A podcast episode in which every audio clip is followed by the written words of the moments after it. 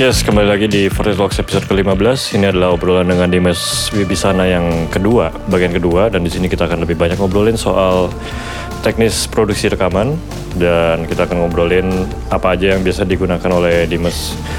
Plugin-plugin apa aja, alat apa aja yang dia bisa gunakan dalam produksi rekaman album, single, soundtrack, dan sebagainya. Dan juga tentang kualitas apa aja yang perlu dimiliki oleh seorang musisi, seorang produser rekaman. Oke langsung aja ya, silakan.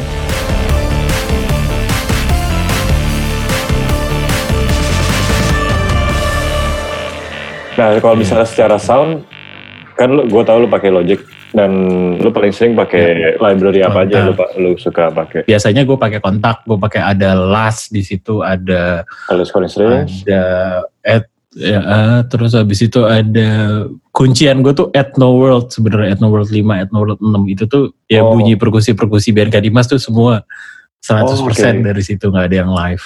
uh, eh, best service ya. World. Terus habis itu Yoi, Hmm. terus habis itu gua pakai apa lagi kalau kontak ya? Gua pakai tak apa tuh brass tuh apa ya namanya ya? Session Horns. Oh, Oke, dari Native Session Instruments Horns, ya. tapi itu jarang. Nah sekarang-sekarang ini ya Omnisphere Omnisphere. dan Keyscape selalu. Oh iya, Keyscape tuh powerful banget. Keyscape. Oh, sangat powerful walaupun berat banget. Iya, karena berat gue gak Berat hafal. Tapi soundnya gila sih. Banget ya. Bagus banget, bagus banget. Hmm. Dan nah tapi jeleknya Omnisphere adalah lo tidak punya apa ya lo tidak punya kebebasan buat mentweak sound lo dari dalam situ.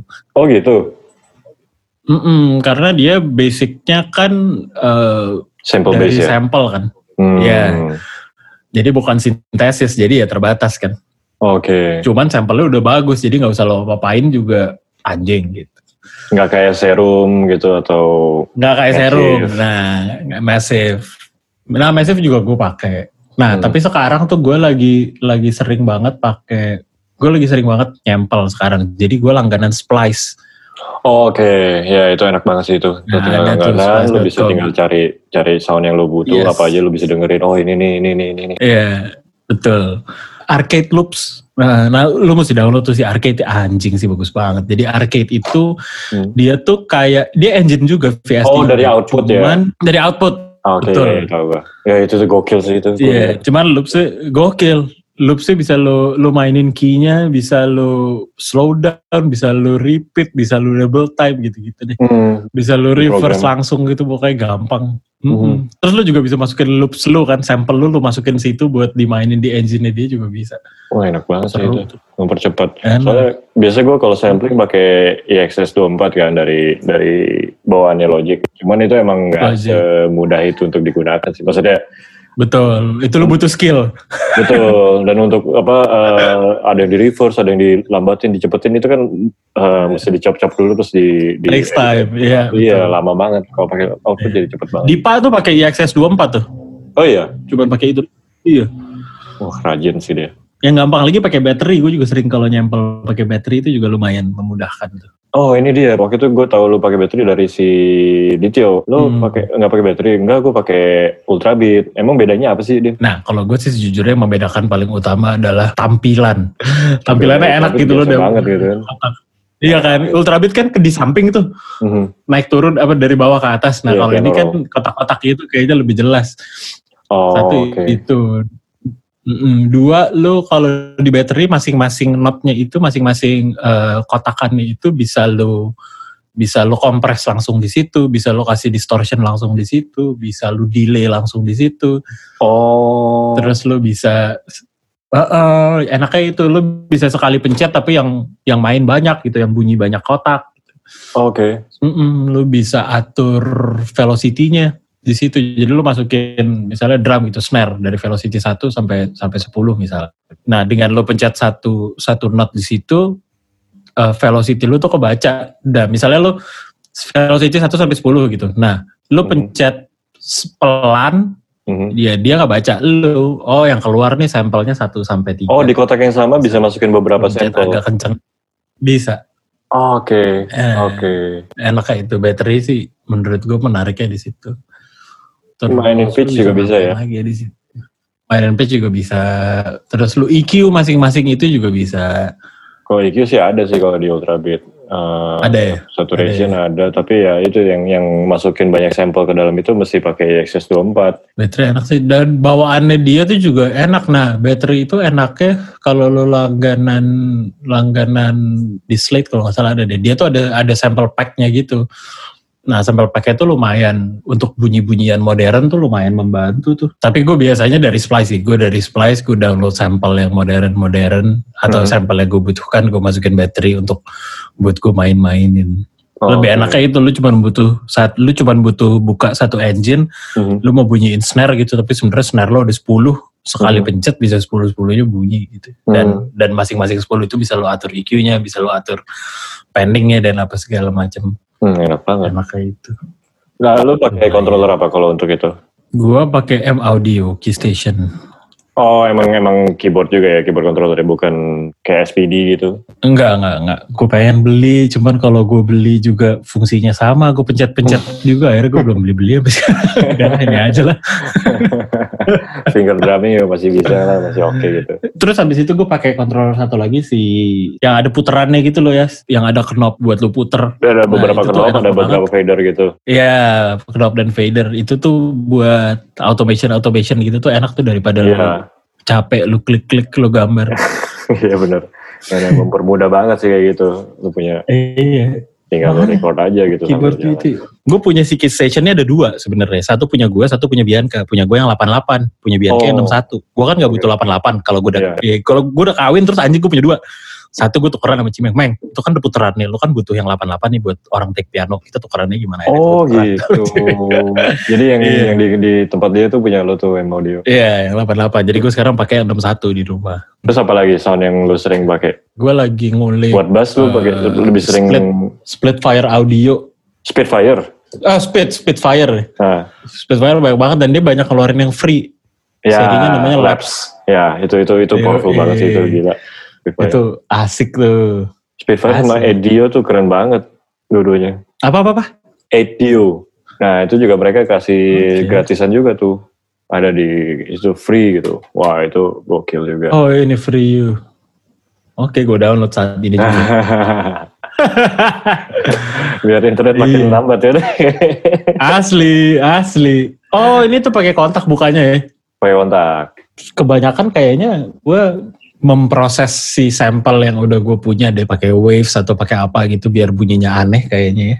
Tapi Oke. basic soundnya kayaknya gue berdasarkan sampel yang gue dapat aja gitu. Oh ini Dead Sounds. Oh iya iya iya. Dead Sounds Bapak tuh. Buri. Yoi. Itu keren-keren sih Itu Bapak. gue gue Organic drumsnya. Aduh, bagus banget. Misalnya gue take drum beneran gitu, selalu gue lapisi dengan si Tetep. Sounds biar tetap gue pakai drum apa istilah itu. Pokoknya yang Trigger. buat lu nyempel bunyi drum asli, trigger Hmm. Stephen Slade. buat gue dobelin. Iya pakai Slate. Ya itu enak banget sih. Langsung. Slate tuh juga Slate tuh juga langganan tuh. Oh gitu. Kalau nggak salah cuma nah, cuma 15 dolar apa sebulan, murah kok. Oh oke. Dan lu bisa download kayak Splice gitu lah, lu bisa download berjuta-juta VST. Sound sample-nya bisa banyak ya. Nah, tapi dia kebanyakan kayak EQ, kompresor, terus tadi trigger, terus Membuat mixing sih banyak kan ya. Iya, dia kebanyakan buat mixing. Cuman kalau gue pakainya buat itu memproses suara tadi gitu. Kalau Spitfire tadi lu banyak pakai apa aja? Piano. Spitfire gue pakai pianonya banyak. Terus habis itu dia kan ada granular piano tapi masuk ke synth terus modular-modularan gitu. Mhm. Terus strings pad terus Hmm. ada ambience ambience gitu. Dia tuh banyak keluaran yang penting sih. London Atmos tuh kayak Oh suara berisik stasiun. Tapi kalau si berisik stasiun itu biasanya gue pernah pakai gue sidechain ke kick. Jadi dia misalnya duk tak duk tak. Jadi buat menggantikan si hi hat gue pakai duk.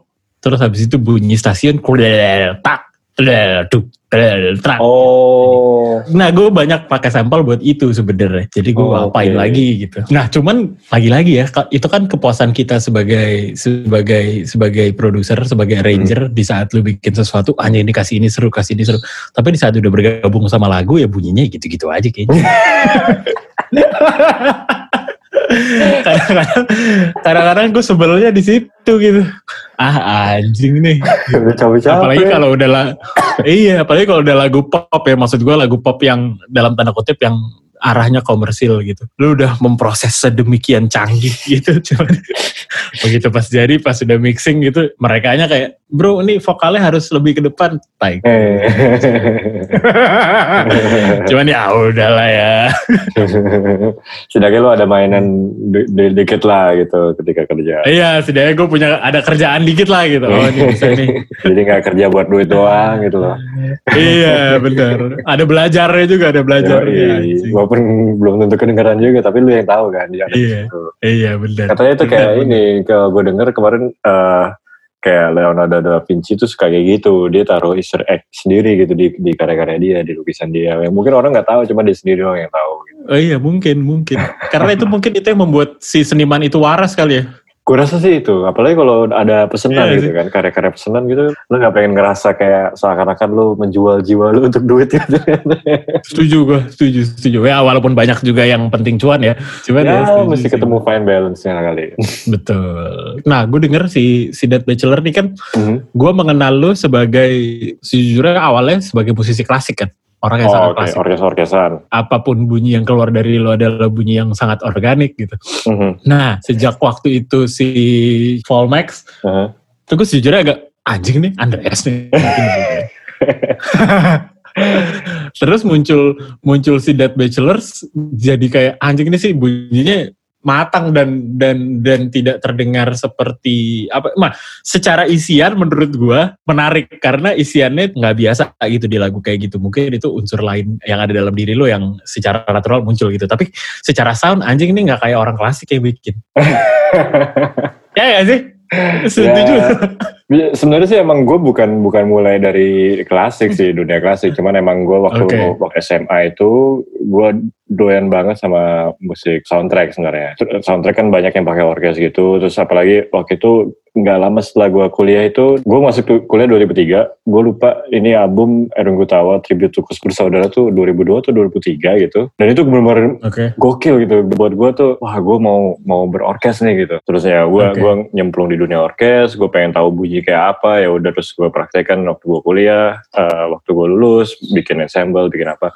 Tapi sebelum sebelumnya waktu gue SMP gitu gue dengerinnya ya Max Martin juga gitu. Backstreet Boys. Oh pantas Britney Spears kayak Itu. gitu Westlife itu. gue sangat menyadari, gue sangat menyadari sound drum yang lu pakai buat Dead Bachelors adalah sangat Britney Spears, Backstreet Boys, iya Ya iya sih? iya betul Iya gak sih? Eh, Iya gak sih? 2000-an Tapi 90s lucu. 2000-an Iya. Ya karena itu sih apa terus gue pikir wah gimana caranya bisa tetap kedengarannya tuh ringan tapi isinya tuh sebenarnya nggak ringan-ringan amat gitu. Ya udah Iya, iya, iya, iya, iya. sound-sound drum itu ya kadang-kadang gue juga selipin sekarang yang lagi banyak dipakai orang seperti apa sih soundnya kan. Gue pakai dead sound itu juga terus oh Cymatics. Oh, Cymatics. Cymatics gokil sih gue gue gue berapa kali belanja dan Gokil. mereka juga sering kasih gratisan kan. Iya, iya, itu iya, iya, sound-sound iya. mereka tuh mutakhir banget gitu.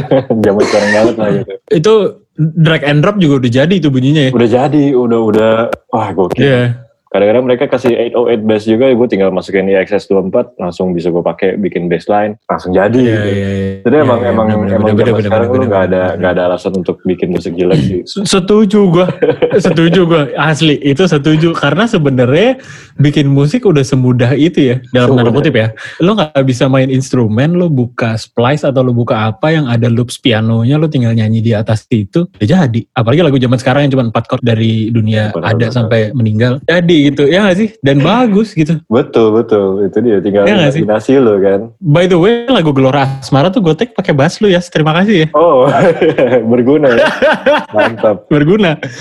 Jadi jadi nah ini cerita lucunya. Bass ini kan dari lu belum gua apa-apain nih. Jadi belum di setting, belum apa, belum ya ya seperti adanya dari lu lah. Gue cuman ganti senar dan senarnya pun gue ganti pas waktu itu gue pinjem dari lu. Jadi udah udah udah jelek banget ya senarnya. Karena ini belum di setting, jadi Hmm. dia fals kan.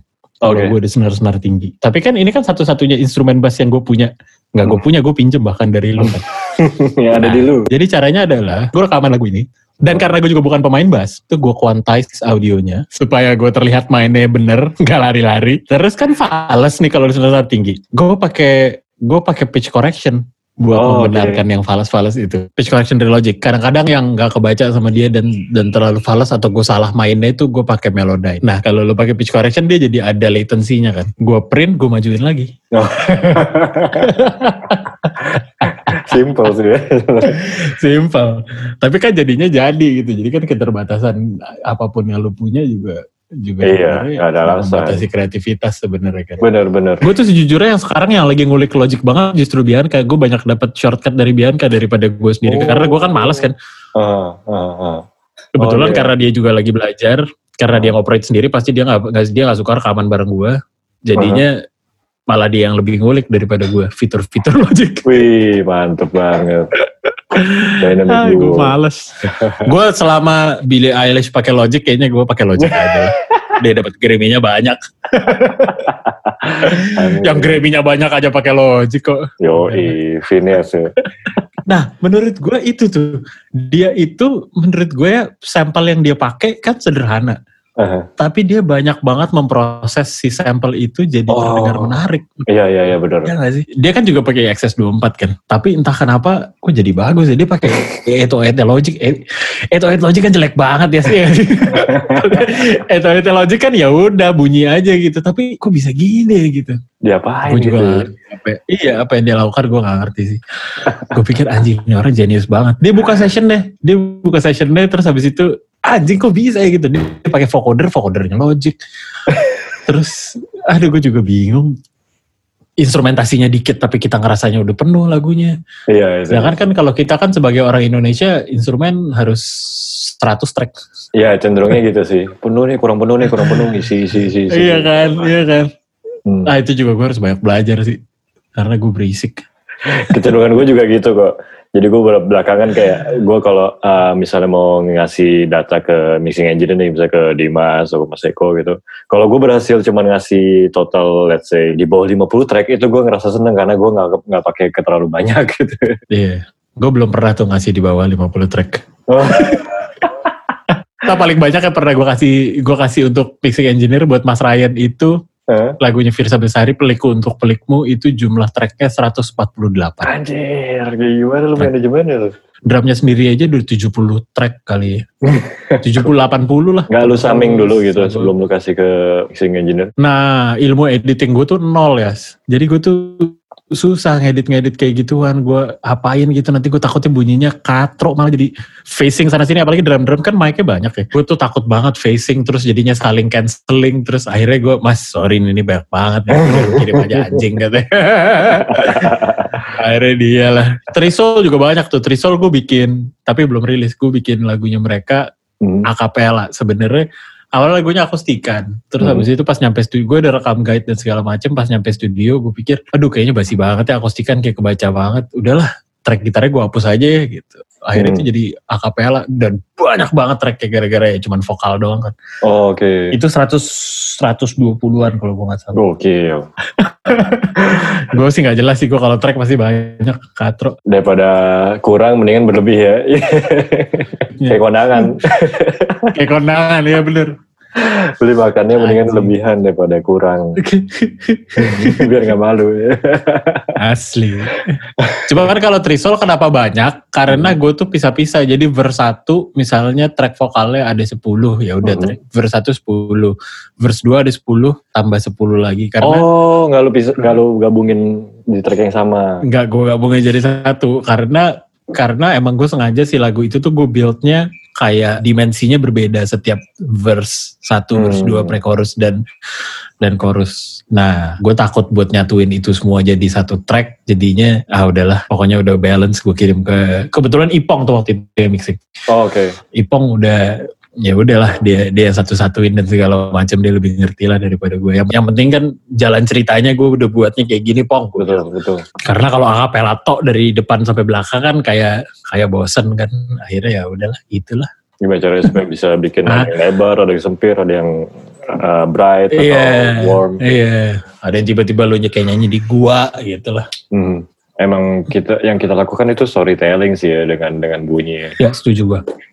Sebenarnya agak kayak bikin drama radio aja gitu, tapi dalam bentuk lagu. Iya. Karena sebenarnya tantangannya itu kan gimana caranya lu denger satu juta lagu di Spotify tapi karya lu yang didengerin lebih lama daripada yang lain gitu. Betul, betul. Yang mencuri perhatian. Makanya gue kalau trik-trik gue adalah gue dari dia pertama bunyi itu gue harus kasih dia sesuatu yang anjing apaan nih gitu. Hmm, benar, benar. Sebenarnya. Hmm, ear candy-nya apa kalau gitu. kalau enggak kayak ah udah skip gampang banget kan. Beda sama Hmm. era dulu kita di radio mau nggak mau ya lu denger gitu. Benar. Ya sekarang lebih banyak distraction-nya. Iya betul, setuju gua. Nah, terus pertanyaan selanjutnya nilai-nilai apa aja yang menurut, menurut lo penting sebagai musisi dan produser gitu? Selain skill musik Oh, ya. oke oke oke. Yang mesti lu miliki yang pertama ya, yang paling penting banget menurut gua adalah personality kayaknya. ya. Lo harus punya sifat yang tidak bisa dimusuhi orang lain menurut gua. Dalam bidang apa pun sih maksudnya dalam lo producing, dalam lo jadi session player atau lo sebagai anak band atau lo sebagai lo bikin jingle atau apa pun yang di musik. Kalau lo orangnya udah enak diajak diskusi, mau Hmm. menerima pendapat, Mhm. pokoknya orang nyaman kerja sama lo. Mhm. Menurut gue itu adalah pintu pertama eh, kerjaan lu untuk dibuka kayaknya ya. Kalau lu songong gitu dari awal songong orang juga males kayak ngomong sama Hmm. lu. Mhm, Walaupun lo jago kayak apa ya. Kalau setuju gue. Itu Ah. satu. Terus Ah. habis itu yang kedua, deadline tuh menurut gue sangat-sangat-sangat penting. Hmm. Karena membangun kepercayaan gitu. Baik atau tidak nomor dua yang penting lu tepat waktu dulu. Kalau gue tuh manajemen waktu gue tuh kebetulan buruk banget. Gue dikasih deadline dua minggu lagi sama gue dikasih deadline tiga hari lagi. Mhm. Waktu yang akan gue pakai untuk kerjain kerjaan itu sama. I feel you. jadi, ayo, jadi gue akhirnya kelimpungan itu pasti selalu terjadi. Tapi yang penting lu deliver kan pada Iya, akhirnya kan. iya, betul. Orang mah gak peduli lu ngerjainnya berapa itu. Yang jadi keuntungan buat gue karena gue terbiasa seperti itu adalah gue tuh banyak banget terima project buangan sejujurnya. Project buangan. Hmm. Iya, misalnya nih satu minggu lagi gue mau duplikasi CD nih buat Ah. dijual di di mana gitu. Gue Hmm. kurang satu lagi, kurang satu lain lah kita langsung rekaman langsung master. Jadi minggu depan gue langsung duplikasi, bisa gue. Hmm. Ayo jalan. Karena gue udah terbiasa dengan dengan pace itu kan. Iya si Mal gue, eh lu mau nggak ungu gitu? "Ah, anjing ungu sih gue mau banget sih gitu. Tapi tiga Hmm. hari ini gimana menurut lu? Lu bisa ngejar gak? Ayo lah udah hajar aja lah. Lo berarti sehari bikin demo, hari kedua lo rekaman, hari ketiga udah mixing. Udah lanjut terus dah, hajar. Rekor gue adalah Dilan. Dilan tuh empat lagu dua hari. Eh, Jadi gue tuh mau lahiran, lahiran Arjuna. Gue nggak ada duit. Oh. Ada cuman nggak cukup lah buat gue bayar lahiran. Gue ditelepon lu mau ngerjain Dilan, tapi dua hari lagi gue mau rekaman. Dia bilang dua hari. Jadi gue harus kerjain aransemennya dua hari. Empat Jumlahnya lagu empat lagu. Terus akhirnya ah, anjing gue butuh duit nih. Ya udah langsung tiket. Akhirnya gue kerjain tuh dalam empat hari dua lagu dan transferannya jumlah nominalnya sama dengan jumlah nominal yang harus gue bayarin ke rumah sakit pas gue lahiran. bisa Maksudnya, pas banget. Pak itu sih mujizat sih kalau gue bilang. Jadi gue keluar dari rumah sakit tuh harusnya hari Rabu. Hari Rabu itu belum ada transferan. Aduh belum ada lagi transferan. Tiba-tiba susternya bilang Pak keluarnya jadinya besok ya soalnya hari ini dokternya nggak bisa datang buat cek. Jadi kan lo harus cek terakhir sebelum lo boleh pulang. Oh, Oh ya udah nggak apa-apa. Akhirnya lo mundur satu hari. Kamis pagi gue ditransfer. Kamis siang gue bayar. Jumlah transferannya sama sama hari siang nominal yang gue bayar. Percaya nggak? Itu sih magic. Sama persis. Cuman beda 500 ribu lah. Gue disisain deh 500 ribu buat lu jajan. ya. teman-teman gue yang udah nikah tuh semua pada bilang, lu rezeki lu makin banyak tapi numpang lewat. Asli bypass pak. True bypass. True. True bypass. Nggak ada coloring coloring nggak ada tuh udah langsung shot. Cuman ya gimana lagi bukan rezeki kita kan rezeki anak kalau kata orang tua. Yo, eh. Satu tadi lu mesti punya attitude yang oke banget untuk orang betah Attitude kerja bareng. Dua lu bisa deliver kerjaan sesuai deadline. Terus Yang apa lagi? ketiga, perbanyak referensi kali ya. Hmm. Maksudnya di saat lu memperbanyak referensi lu juga harus disertai dengan lu harus membuka pikiran lu juga gitu. Tuh dulu gue kayak ngotot kayak, ah enggak musik yang gue bikin adalah musik yang paling ideal buat gue gitu. Tapi Hmm. ternyata salah juga gitu. Dunia berubah, masa lu di situ-situ aja kan Betul. bukan dunia yang salah, lo yang tolol gitu. Iya, Kalau lu iya, gak iya. membuka diri gitu. Nah, Pada akhirnya ya lu juga harus beradaptasi, suka nggak Hmm. suka gitu ya. hmm. tanpa harus menghilangkan eh, warna lo, tanpa harus menghilangkan karakter lo. Gimana mungkin lah lo harus harus cari cara gitu gimana caranya supaya lagu yang lo buat buat band Melayu atau lo buat untuk Raisa gitu Hmm. warna lo harus selalu ada. Gue salut sih sebenarnya kayak Marco Seviano, Gerald Situmorang, Ari Aru, apa yang mereka bikin selalu ada anjing ini dia nih yang bikinnya gitu. Hmm. Lale Ilmanino contohnya. Oh ya itu gue setuju banget. Hmm. Kuat banget warnanya. Di satu sisi kayak hafalan, di satu sisi ya itu memang karakter lo. Jadi ya pintar-pintarnya kita men, meng apa ya, mensiasati kalau menurut gue sih. mengolah referensi-referensi yang makin lebar itu juga. Ya karena juga kita Hmm. kalau udah milih kerjaan di musik yang banyak sekali terjadi perubahan di dalamnya ya kita mesti cepat beradaptasi juga. Nah itu juga sih yang jadi Iya, jadi betul. alasan kenapa gue ngerjain Womax. Jadi tuh waktu single pertama mereka itu adalah pertama kali gue bikin EDM dan kalau denger itu bunyinya kacau banget sih gue sendiri juga nggak betah banget itu. Kacau deh. Kata proses kan, tapi kan proses. Betul, prosesnya itu dia yang yang mahal sih. Apalagi gue Iya, belajar setuju. sambil dibayar gitu kan. Iya iya iya itu yang enak tuh kan bener ya. Tapi emang setuju sih. Kita kalau misalnya dengerin karya-karya kita yang zaman dulu banget ya, secara musikal mungkin relevan gitu. Maksudnya Betul. kita nggak ngerasa salah gitu. Mm-mm. Tapi secara sound Secara tahun, waduh, aduh, aduh, aduh, aduh, aduh, aduh. banget, langsung cepet banget, Nah, cepet. cepet banget ketinggalan zaman gitu loh. Eh, sangat cepet. Gue ngerjain ada satu solois si Hanindia satu tahun lalu, tapi belum rilis sampai sekarang karena dia itu buat materi album dan albumnya selalu tertunda. Terus Oh, oke. kemarin gue denger lagi apa yang gue kerjakan satu tahun lalu, satu setengah tahun lalu. Anjing basi banget ini udah. udah kayak malu gue kayak. makin ditunda, makin ketinggalan zaman. Album sketsa album satu, buset deh jelek banget bunyinya. Dulu sih asik-asik aja. Nah, iya iya. Tapi lucunya Tapi album sound- Different Seasons itu kalau didengar sekarang masih masih enak. Mungkin karena secara teknis rekamannya itu udah proper kali ya. Jadi kadang-kadang ada Mungkin iya. bunyi organik yang emang mau sampai kapan pun tetap evergreen. Tapi kalau bunyinya itu lebih elektronik itu gampang berisiko untuk basi. Oh iya juga ya. Kecuali Oh, kalau lu emang sengaja ya. Bikin throwback gitu kayak synthwave itu kan emang sengaja bikin sound 80-an. Iya. Ya emang sengaja basi gitu. Oh iya, tapi bener ya bunyi organik tuh kalau dipikir-pikir Lebih lebih, tidak bisa termakan zaman ya. Iya, Iya, karena emang bunyi gitar ya kayak gitu aja, bunyi string sih kayak gitu aja. Sedangkan bunyi drum machine itu mewakili ya zaman itu doang. Biasanya mewakili gitu. eranya betul. Sebenarnya sih masih banyak lagi sih yang Iya. mau tanyain sih secara ini. Cuman kalau gue recap, ya bisa dibilang dari 2007 lah apa awal karir lo berarti kan. Sampai sekarang 2020, 13 tahun lo berkarir. Menurut gue ada hal yang sama yaitu emang lo orangnya asik gitu. Dan biasanya orang yang asik, musiknya juga asik. Amin ya Allah. kan? Kalau orangnya asik, Iya. musiknya asik, orang juga demen gitu kerja bareng lo. Makanya gak heran. Orangnya Lu orangnya bacot, musiknya juga bacot. biasanya gitu gitu ada beberapa drummer yang emang kalau ngomong tuh kenceng dan rame biasanya mainnya juga gitu rapet dan kenceng mainnya juga Ada juga teman kita yang pendiam tapi mainnya berisik. Oh, oh. oh ya Ya jangan disebut dong. pendiam ya tuh berisik gue gak kebayang deh Ah, nantilah gua WhatsApp.